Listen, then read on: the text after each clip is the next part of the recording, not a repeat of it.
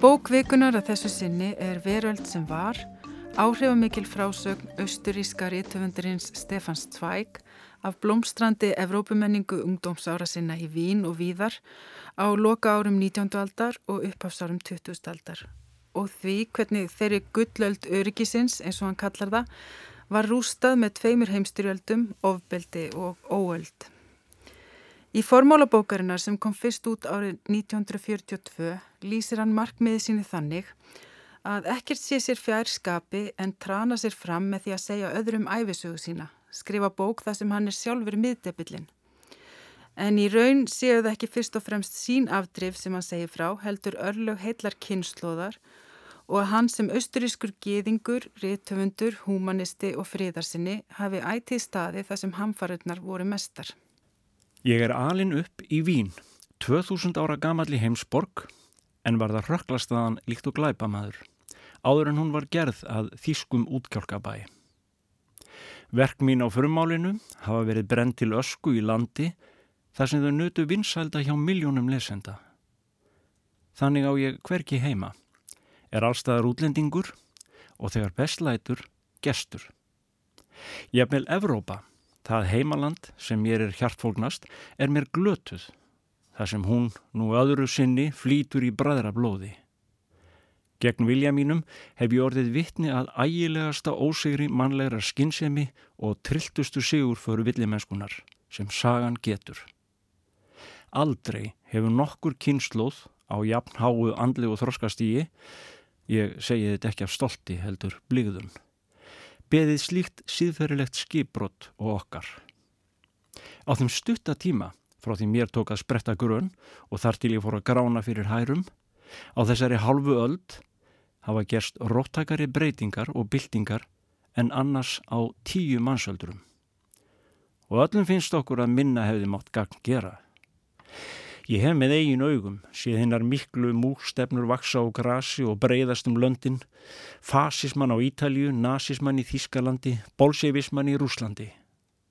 En fyrst og fremst er þó þjóðirnishyggjan svo erki plága sem eitrað hefur blóma evróskar menningar. Ráþróta og varnalös hlaut ég að verða vittni að því óskiljanlega öfugstreymi að mannkinnið tæki upp háttu þeirra villimennsku er allir hugðu þar löngu vaksið upp úr og gerði sér jafnvel mannvonskuna að miði.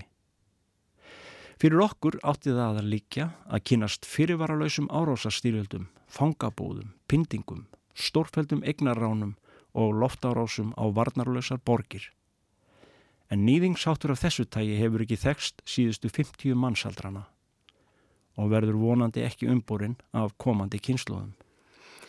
Leifur Haugsson lasir upp brot úr þýðingu Haldós Jóði Jónssonar og Ingóls Pálmasonar á veröld sem var, nánar tiltekið úr formálahöfundarins Stefans Zweig. Þar segir Zweig jáfnframt að hann harmi ekki hafa þrísvar upplifað að heimili hans og tilveru að rústir einar því hann sé þá að minnstakosti engum háður og ætti að geta verið bæði hreinskilinn og hleypidómalauðs í frásöksinni. Þó er tótbókarinnar nostalgía eftir sjá og sorg og einmitt það gerir hana áhrifamikla. Zweig byrjaði að skrifa hana árið 1934 eftir hann hafði flúið nazismann og farið til Englands. Setna fór hann til Bandaríkjana og svo Brasilíu þar sem hann lauk bókinni árið 1942. Lokamálsgreinennar er sérlega átakanleg en þegar það er komið sögu hefur Breitland líst yfir stríði á hendur þjóðverjum. Sólinn skein í heiði, segir Zweig. Á heimleðinni tók ég eftir skugga sjálfsmín á stjettinni, líkt og ég hafði séð yfirstandandi stríð varpa skugga styrjaldarinnar fyrri. Allastund síðan hefur þessi skuggi hvergi viki frá mér. Hann hefur grúft yfir hverju hugsun minni dag og nótt og kannski djarvar fyrir honum á sumum blöðum þessarar bókar. En skuggin er þegar á allt er litið afsprengi ljósins og sá einn sem þekkt yfir skín og skugga, stríð og frið, uppgang og hnignun, veit hvað lífið er í raun og sannleika. Dægin eftir að Svæk postlæði handritið til forlags í Svíþjóð svift hans í lífi á samt konu sinni Elisabeth Charlotte. Gestir mínir eru Freyja Gunnustóttir, aðstofaskólamistari eh, mentaskóla í tónlist og Jón Bjarni Allarsson, þýsku kennar í MR velkomin. Takk. Eh, veröld sem var á sér afar stóran aðdándahóp og margir teljana með alls sína uppbólsbóka og Freyja, þú ert einn af þeim þegar ekki? Já, það er rétt að bókin hafði mikil áhrif á mig þegar ég las hana fyrst, bara sem mentaskóla stelpa. Ekki síst vegna þess að hún opnar fyrir manni bara alveg nýjan menningar heim og ég var að náttúrulega læra tónlist og uh, spila mikið tónlist frá þessum tíma og það sem þessi bók gerði í raun og er að setja tónlistina í, að hún gerir, er að setja tónlistina í menningar sögulegt samhengi. Mm sem að er óskaplega mikilvægt fyrir tónlistanefundur að skilja þann tíma sem tónlistin er skrifuð á og, og ég hef nú haft það fyrir síð lengi að svona þeir nefndu mínir sem að útskrifast frá tónlistskólanum í Reykjavík að svona ég færi þeim þessa bóka gjöf þegar þeir útskrifast úr skólanum. Af því að þetta er líka bók sem er svo frábært fyrir ungt fólk að lesa af því hún leiðir mann áfram og maður kynnist þarna ótal skáldum og rítvöndum og tónlistamönnum og hérna einmitt það fjallaði mikið að skáldum frá þessum tíma þannig að maður veit alltaf hvað maður á að lesa næst þannig að einmitt ef að fólk hefur gaman að því að grúska og lesa þá getur það haldið áfram og lesi Rómar og Land, Pól Valeri og, og fleiri. Og svo er náttúrulega samti líka fyrir tónlist í rauninni texta og var í samfunnu með tónlistar fólki Já, já, það er allan tíman ljóst að þó að þó að hann sé mikið að fjalla um rítöfunda og, og bókmentir í bókinni þá er allan tíma ljósta það er tónlistin sem er geðið allra lista í, í Vínarborg og hann fellur í stafi þegar hann hittir malir á götu og heilsar brams og er algjörlega starströkk en svo er líka mjög áhugaverð sambuna bæðið millir hans og Richard Strauss en hann skrifaði líberetto fyrir því tvægsami frá óperu eftir Strauss og þeir eiga mjög náið samband og á endanum þarf Strauss að segja af sér sem formaður tónskuldafélag Tríðaríkisins út af þessari samvinnu. Einmitt.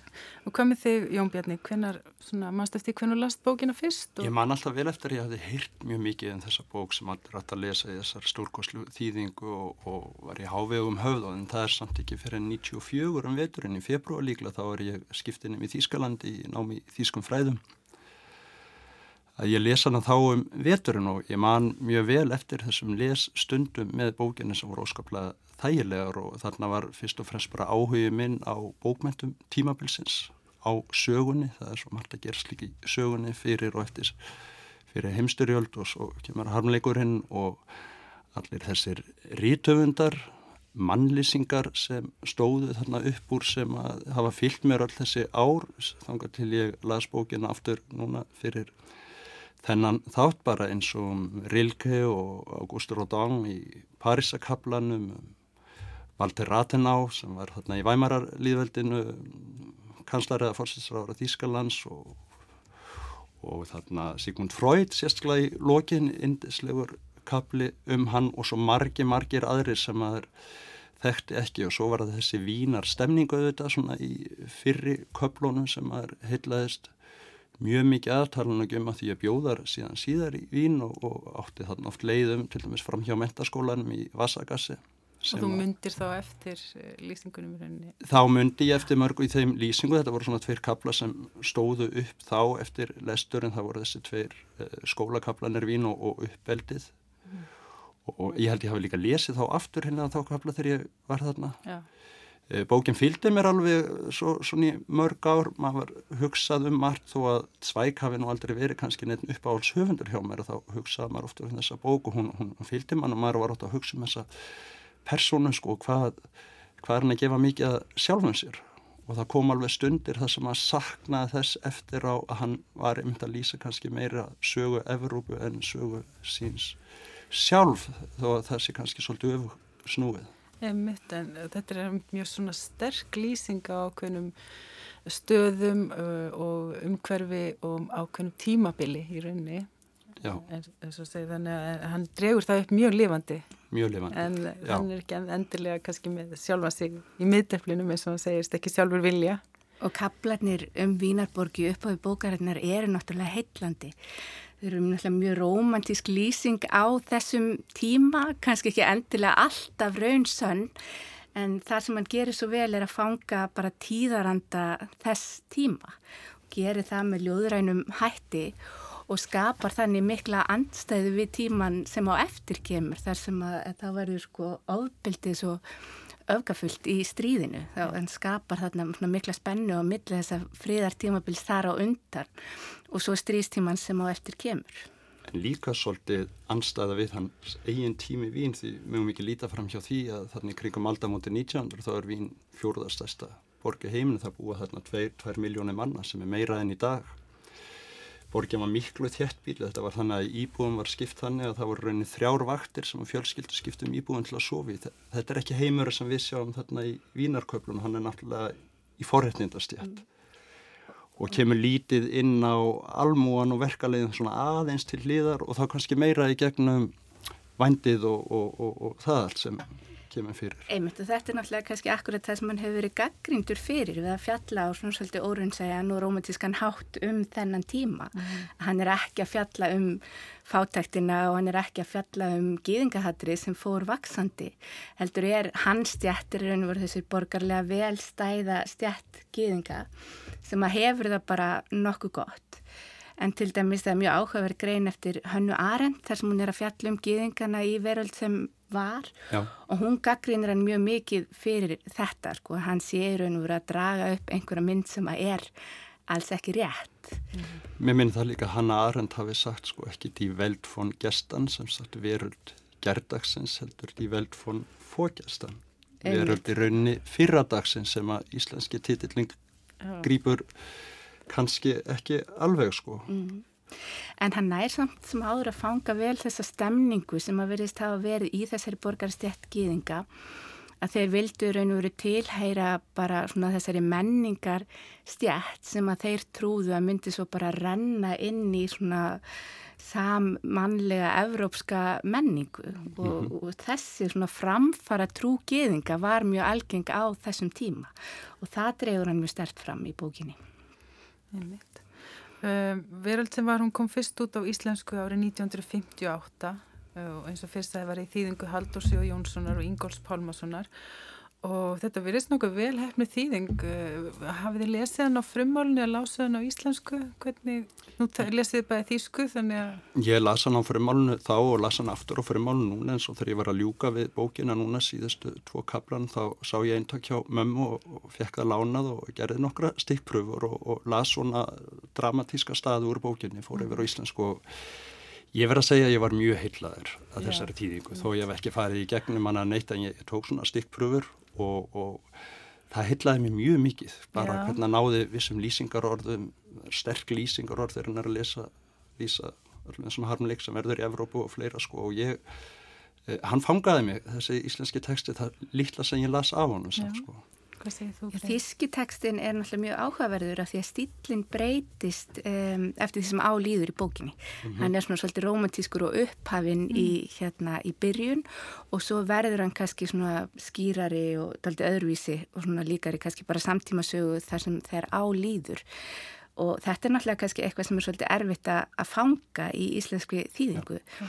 en þýðingin íslenska er samt sem áður mjög fín og bara fallegu vönduðu máli og ja. þannig að það er ekkert upp á þá félaga að klaga en það er svolítið skemmtlegt að bera það sama við þýðingarnar, gömlu þýðingarnar sem Magnús Magnússon gerði á mörgum skáltsugum svæk sem eru svona mjög líflegar og skraudlegar og upphafnar einhvern veginn, náttúrulega allt, allt öðru vísi. Já, þess er ekki beint þannig Nei, en, en er, það er samt svona einhver fallegu tótn í henni mm. sem að hérna, einmitt, heitla mann svolítið. Já, þeir líka bara svo ólíkir kaplanir oft Já, eins og segir þegar líður á bókina þá breytist tónin svolítið þegar maður verða saman við Parísarkaplan og mentaskólakaplan og já, já, en svona ég held, sko. Ég held að þetta sé algjörlega með vilja gert að hann dregur fram þessar andstæður í frásögninni að, að kaplanir fyrir stríðið í byrjunaldarinn að þeir eru svona sveipaðir þessum fortíðar ljóma og fortíðar þrá. Og svo verða kaplanir setna verða þetta aldrei svona hlári eða skýrari svona. Þegar svona deburðin og uppgjöfin kemur og já, já,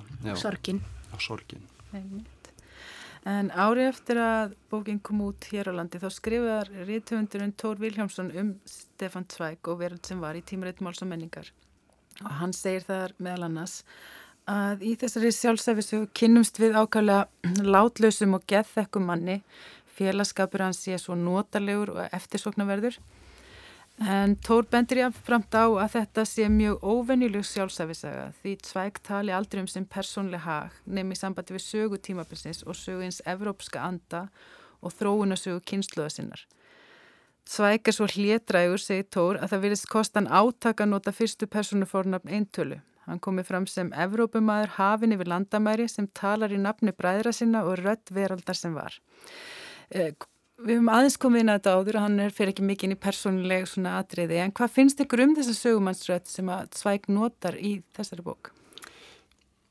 Hann dregur fram mynd af sjálfum sér sem svona miklum hugssjóna manni, fríðarsinnar sem berst fyrir alþjóðlegu bræðralegi og þetta eru kynntarti sögunar mjög göfuðar hugssjónir í bókinni. Þannig að ég held að þetta sé mjög svona meðvitu sviðsetning á hans eigin sjálfi Það er áhugavert að lesa æfiminningar Fredríke Zweig sem var fyrri kona Zweig sem hann reyndar minnist nú alls ekkert á í mhm. bókinni en hún dregur fram allt öruvísi mynda Zweig þar sem er miklu mannlegri, miklu meira lifandi og miklu breyskari og hún heldur í fram að hans besta verk, veril sem var, hún, hún spretti í raun og veru upp úr hans veikleikum og hans örfandingu en ekki þessum göfugu hugsunum. Nei, en það sem hann heldur þó mjög á lofti í bókinu. Sem hann heldur já. mjög á lofti, alla bókinu. já, hann er svona, en hann var mjög hlétrægum maður og það er sagt ofta hann hafi hreinlega verið brínvarin. Fólk hafi ekki komið snálagt honum í lifandi lífi, ekki hægt að ræða við hann um persónlega hluti. Hann hafi verið afar lokaður þó hann hafi hitt mikið af fólki. Við sjáum þessa lýsingar með Róman Rólang og, og Rilke og fleiri um hann hafi verið vinnmarkur og hitt mikið af fólki en, en hann hafi haft mjög þykka skil og Frítiríka segir þetta með þenn hún var giftum og þau voru saman í langan tíma og bjökuð þarna í Salzburg og maður raunin veit ekkert mikið að henni í bókinni, held að náttúrulega tvís var orðið við um þau tvö en þá veit maður samt ekki eins og hann er giftur í verkinu það, því það hefur aldrei verið minnst á hana En er það ekki líka svona svolítið meðvitað stílbrað bara fjalla ekkert um persónlega hluti? Heldur að segja söguna í raun og veru í gegnum viðkynni við þekta einstaklinga. Hann sleppur ekki bara einhvernum sínum, heldur tveimur, heldur sleppur hann líka mjög nánum vinum sínum. Hann er alltaf að fjalla um, um menn sem, a, sem að hafa áhrif á söguna og hafa eitthvað að segja. Merka menn og kallmenn. Einmitt, já. já. og já hann segir að þetta eigi ekki vera sjálfsæfisa hann tekur það alveg fram á einu stað að þetta sé ekki sjálfsæfisa en maður villu þetta að lesa þetta líka sem einhvers konar sjálfsæfisu og það er klart og hann auðvitað segir mjög mikið frá sínu lífi og ég held að þú eru ofta að lesa mikið á milli línana þarna einmitt. Hverju sleppir hann að segja frá? Hverju segir hann ekki frá? Og maður saknar þarna eins og bara Jósef Róts nánir vinir öðruvísi en svæk á þannháttin að hann best virkilega fyrir lítilmagnunum bendir á örbyggð uh, þá sem eru svona út fyrir samfélagið fátækt, stórkonslega lýsinga frá Berlín, þetta er maður sem Sandi Radsteski, Marsin og fleiri bækur drekku sig svo reyndaði til dauða. 1939 held ég að það sé maður sem að svæk styrti lengi en, en það er svona vissa persóna sem hann heldur út fyrir annars vegar uh, virkar hann á svona stöðum svona einhvað persónlegur og ef maður hugsaður um hvað hann var lokaður og hugsaður svo um Eros Matinicus kaplan sem er þriði kaplinn sem lýsir svona siðferði og kynferði vændi í Vínaborg þar sem hann fer mjög óforum orðum um ástandi hvað allt er lokað annars vegar hvern kúuna en líka í rauninni kúun Karla á vissan hátt þótt að þeir hafi einhverja möguleika haft til að sinna sínu í kynferðismálum en þeir voru samt mjög takmarkaðir. Við lítum svo á lýsingarna þegar hann fjallar um unga fólki árið 1910 rétt fyrir stríð. Þá segir hann mm. það eru breytti tímar. Uh, líkamsmenningin er komin, fólk klæðir sig frjálsar, annað yfirlit yfir öllu um, hægt að lásta þessi vaksa skegg sama gerir svo aftur í væmara líðveldinu þá mm. öfundar hann í rauninni unga fólki sem er að koma upp mm. hann sér það svona en hann er ekki svona sjálfur mm. hann þetta... er einhver staðar lokaður þarna bakvið og mm. kemst ekki inn í þetta en hrifst svo af ungu menningunni blómstra á þessum tímum og það kemur alveg skýrt fram í bókinu held ég á tveimur stöðum. Já og þetta er raun og verið mjög áhugavert að því að þessi kapli um, um kynferðismálinn, siðferðismálinn á þessum tíma, honum bætir hann við eftir á. Þannig að það er eins og hún liggi mjög mikið á hjarta að skrifa um svona, þessa bælingu aldamóta kynnslóðurinnar og líka þetta tvöfald, tvöfalda siðferði mm. að kallmennir þeir hafa svona vist frjálsræði, þeir geta átt fyrir hjákonur, þeir geta haldið við giftarkonur eða sótt vændishúsin og það er alveg litið fram hjá því í þessu háttbrúða samfélagi mm. en það sama gildir að sjálfsögðu ekki um ungar konur sem verða að gæta fyl, fylsta siðpriðist til að halda mannurðið sínu. Sýnir, sýnir mikla samu með þeim til dæmis sem að, sem að pipra síðan og eru, svona, eiga að vera degðuar Einmi. og saklusar áfram en eru svo fyrirlitnar fyrir Já. það þegar það komnir yfir ákveðin aldur þannig að ja. og, og þá bókin fjalliða ótrúlega litlu leiti um konur og það komi valla hvern personur við, við sögu þá drefur hann samt upp svona áhugaverða mynd af hlutskipti hvenna á þessum tíma það bæði með þessum kapla um, um siðferðismálinn og náttúrulega líka kaplinn um vændið í Vínaborg er mjög áhugaverður. Hvernig vændið grasseraði og einmitt þetta siðprúða samfélag eh, lítur einhvern veginn algjörlega fram hjá því. Og hann er náttúrulega mjög uh, vel inn í kenningum Freud og hann er náttúrulega tengið þetta svona við það einhverja bælingu og hvernig þetta svona að bæla niður allar þessar kendir mm. það einhvern veginn, þá grasserar undir niður í allt þetta Já og líka já, sko ekki bara bælingin heldur það komu svo óheilbreiða kendir líka út úr þessu aðrar. Þannig að við getum verið að fara að tala um afbreyðileika og fleira sko sem, sem, sem brýst út. já, já. En uh, í viðtali við Jórunni Sigurðardóttir sem var flutt í Víðsjá þá lísti rítöfundurinn Guðmyndi Andri Tórsson einmitt uh, þessu aðeins. Og við skulum heyra hvað hann hefur um þetta að segja. Það er endar daldi sláandi uh, með þessa bók að, að hérna, hann minnist aldrei á, á hérna, eiginkonu sína. Hann nefnir hann ekki.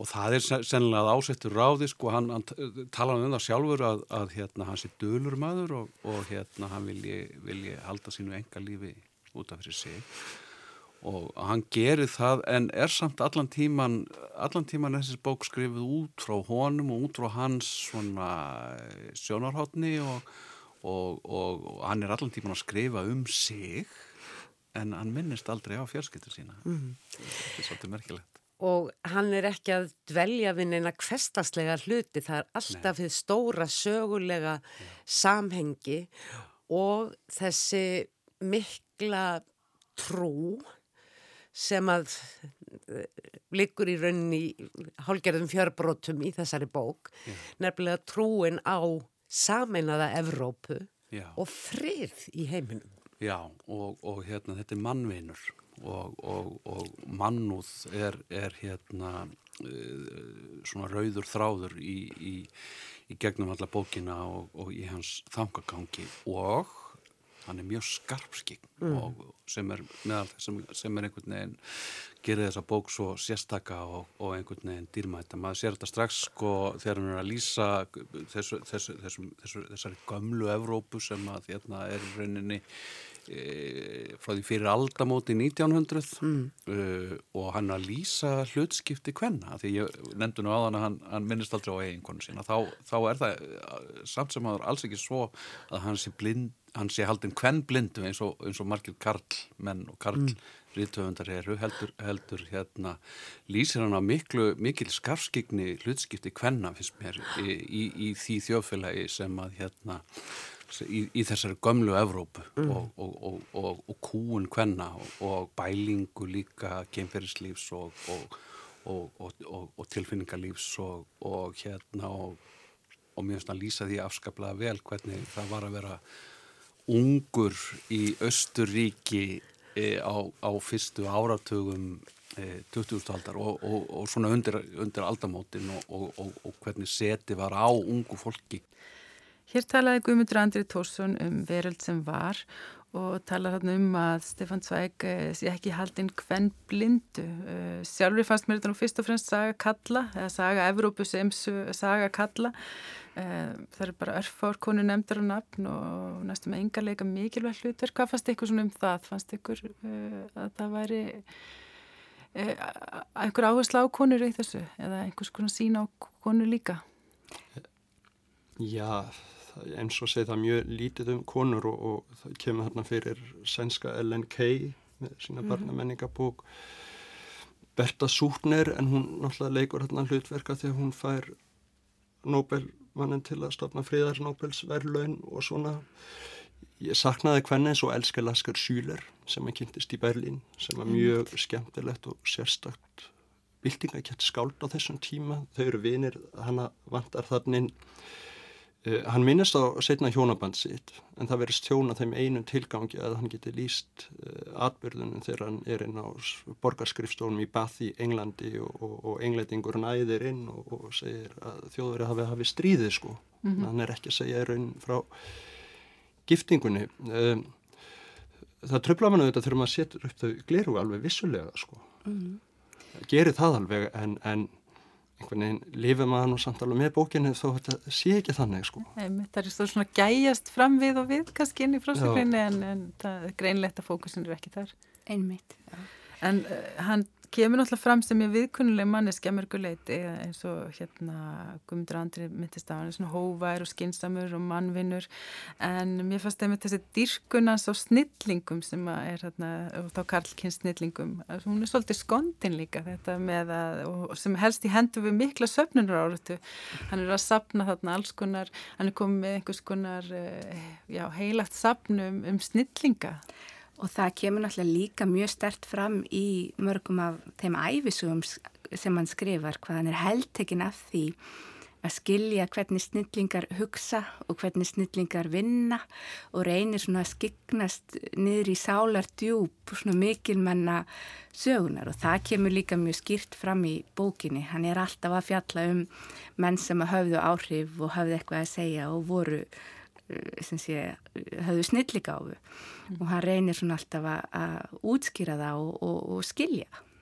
Og hann sækist bæð eftir því að kynast persónlega fólki sem hann svona dáist að eh, svona, uh, í sinni samtíð en svo er hann líka að sapna svona minnjum eftir þá sem hafa verið snillingar eins og Beethoven og fleiri sem að svona og það er nú kannski önnur kona sem leikunum blá svolítið mikilvægt hlutverk þarna þegar hann flytur inn í Kokgassi mm. í áttunda hverfi í Vínaborg það sem dvaldin oft í þessari götu.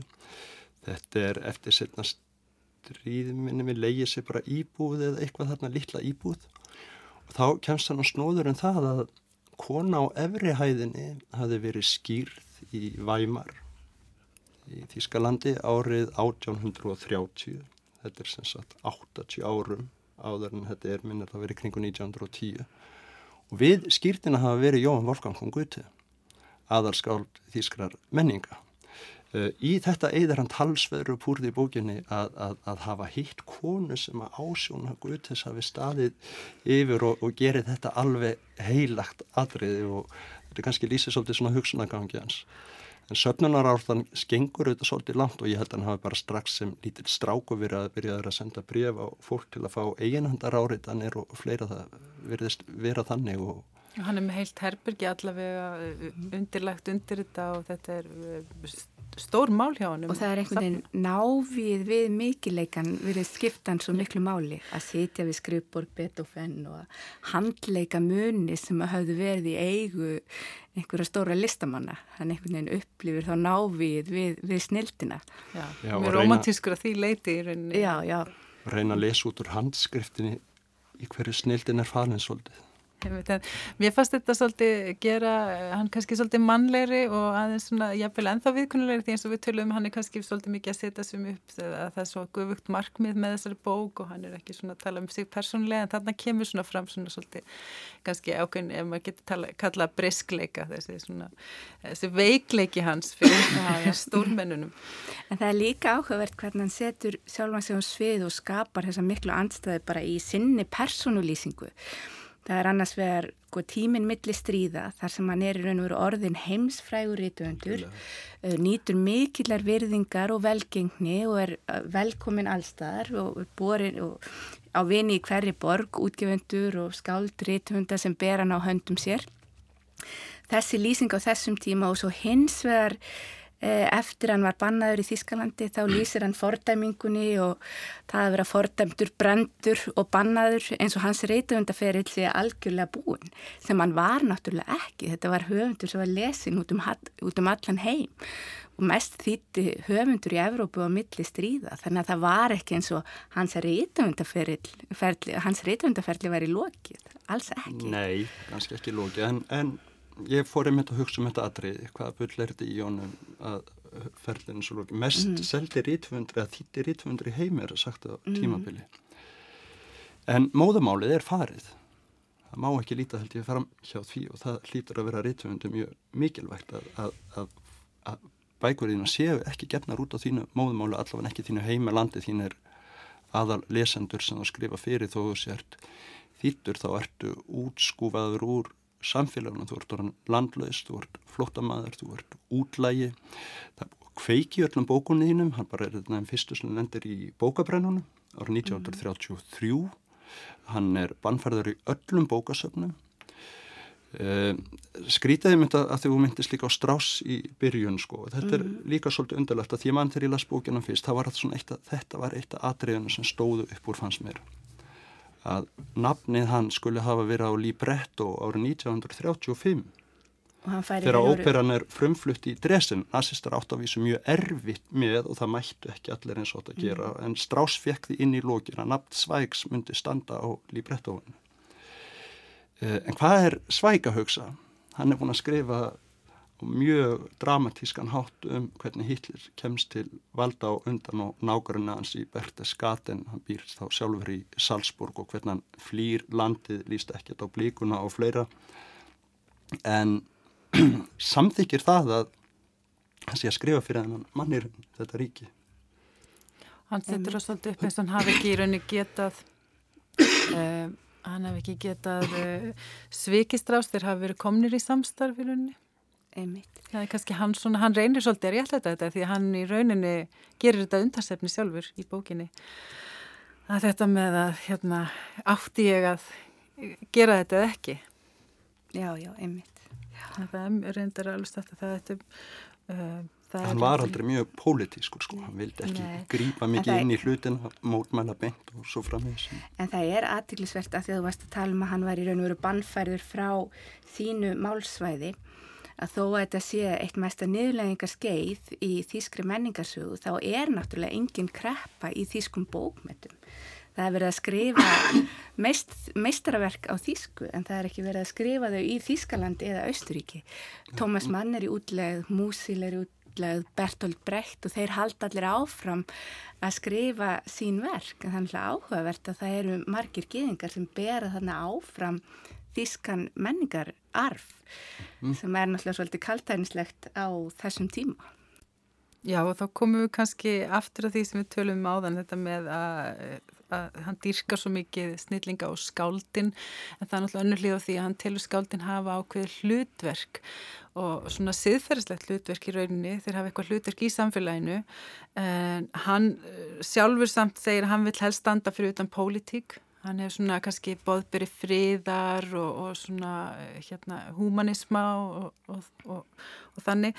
En þegar að þessar hörmungar byrja að ganga á þá finnst honum svona að hann þurfi svolítið að láta til sín taka. Hann get ekki bara látið þetta fram, framhjá sig fara. Mm. Og hann hefur mjög sterka ábyrðar tilfinningu gagvart komandi kynnslóðum. Yeah.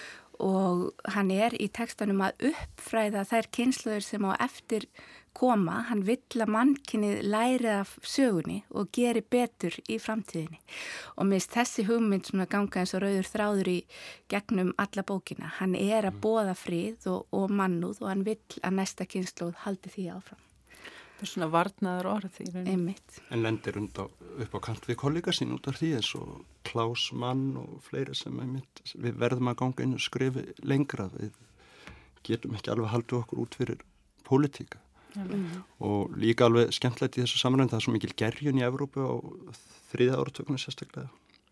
Allir þessir ismar sem hann heldur sér alveg frá og verðist vera til dæmis hafa verið mjög mikið í nöp bara við ekspressionisma þá komið kannski ekki beint fyrir.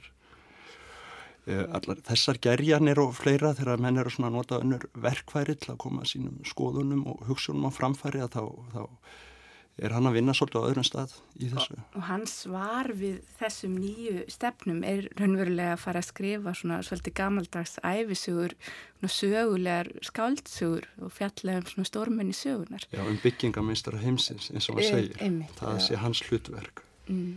Það tala nú um það einu stað, hann vilja svona hafa einhver tíman bara, helst vilja bara býða svona þanga til að vera einhverjar framústefnur að ganga yfir og bara þess að býða með hann svo hann geti haldið sínu stryki. Já, hann lítur á þetta sem bara tísku ströyma sem líða hjá. Hann langar allavega ekki að taka þátt í því. Nei. Já, nema kannski surrealisman og hann kemur svolítið vel út hjá hann þegar hann heimsækir fröyt á banabiði með, með honum þegar hann fer með Salvatore Dali þangaði en uh, það er náttúrulega, þetta er eins og segir, hann er að, kannski með varnaðar orð en uh, hann, uh, það er eins og ég sagði í byrjun, þá er það svona kannski afskaplega svona dabur tótn í rauninni eða svona sorg í þessari bók. En þráttur að kannski hann persónulega sé kannski svolítið uppgjöf í honum og hann finnst að það kannski við höfum mannkynnið búið að rústa siðmenningu Evrópu að þá, hann er samt að reyna að byggja upp með þessu riti, hann er svona að reyna að vera uppbyggilegur líka. Já, hann vill að fólk trúi á nýja dögun, að trúi á mennskuna og að mannkynni muni aftur rýsa við. En þess vegna var það svo mikið áfall fyrir marga skáldbræðurans þegar hann fyrirfór sér að því að akkurat þessi maður sem hafi bóðað frið, bóðað þetta sam mannlega bandalag, bræðralag að hann skildi gefast upp mm. og það er sagt að Tómas Mann var æfa reyður þegar hann fretti þetta og kallaði hann gungu, einmitt hann mátti ekki gefast upp. Já, Lagsnes segir hann hafi fargað sér, þetta er ekki fallegt. En ég fór einmitt að skoða þetta, hann er að skrifa bókina aðalega 1939 til 41 og hann hafi byrjað á henni mhm. fyrir en þannig svona mótana helst þá og ég hugsa síðustu tveir kaplanir skera sér svolítið úr hvað var það þess að debuð og uppgjöf og, og fleira sko og að því að Guðmundur Andri segja hvað hann hefði verið skarpskig Ég hugsa til þess staðar þannig að sé flóttamennina frá Evrópu koma, geðingaflóttamennina í sendiráð eða eitthvað í London minni mig. Hann sér þarna 50 manns og hann sér þarna fulltrúa fyrir 5 eða 8 eða 10 miljónir manns sem að nefnir þessa tölu sko. Þeir veit ekkert hvert þeir eru að fara, þeir bara öskra eitthvað upp í lofti, komum við til bara Hamas eða getum við fengið verið hér og það er algjör upplösn í gangi. Eh, þarna finnst mér eins og hann hafi séð helföruna svolítið fyrir. Ég verð bara að segja það. Þó að helförin hefjist í rauninni eftir lát svægs skipulega helförin. Hún kemur ekkit fyrir hún vorið 42 þegar þeir fara að beita gasinu gegn þeim. En, en mér fannst hann einhvern veginn vera forskik svolítið um þetta atrið þó minnist ekki á það beint. Þetta var komið í þennan enda og, og þá fór ég svolítið að hugsa um líka endalógin hjá honum og fleira og, og þessa miklu uppgjöf hjá honum í rauninni sem verður þegar hann verður landflóttað þarna til Brasilíu. En hann segir líka sko að hann trúiði að mannkynnið verði í raun og veru að ganga í gegnum eða hann sé hrættur um að mannkynnið þurfi að ganga í gegnum eld og brennistein áður en það sér nýja dögun ja. og það er í raun og veru sá tótn í bókinni að hann gerir ekki ráð fyrir því að, að lifa þá dögun. Nei, en minnist á það í, í skilnaðarbreyfinu, þá minnist hann á þessa nýju dögun sko, Einmitt. fyrir dögunna, já. Mm. En svona í lokin til dæmis uh, þetta með uh, flótamenn og annað, það er svo margt í þessu verkirunni sem talar til okkar samtíma í dag. Það, er, það hlýtur eiginlega að vera eina ástæðan fyrir því að það endist svona vel. Það er bara, þetta svona talar alltaf til okkar þessi bóðskapur. Nei, sjálfsög þessi bóðskapur, uh, þessi fríðarbóðskapur, þessi bóðskapur gegn stríði, umfjöllunin um flótamennina, auðvitaðum við í dag þegar miljónum manna er á flóta undan stríðsáttökum þessi bóðskap líka um sko í huga saminina Evrópu. Uh, ekki Evrópa endilega sterkra þjóðuríkja mm -hmm. sem ég held að skínalu þarna í gerðin, ég myndi nú seint segja að hann var kannski einhver Evrópusamband sinni. En húnum hefur lítist vel á grunn hugmynd Evrópusambands, það er alveg á reynu að, að, að, að menn saminist til að hlutir geta ekki gerst og fleira En við verðum núna að ljúka þessu umfjöllun um bókvikunar Veröld sem var eftir Stefan Zweig í þýðingu Haldós Jóð Jónssonar og Ingóls Pálmarssonar. Ég vil þakka gestum mínum Freyju Gunnlaugsdóttur og Jóni Bjarnar Allasinni fyrir þáttökuna og því hlustendur getur svo áfram nálgast viðtöl og annað tengt bókvikunar á heimasíðu þáttarins rúf.is skástrygg bókvikunar og á Facebook síðu þáttarins. Verið sæl. Takk.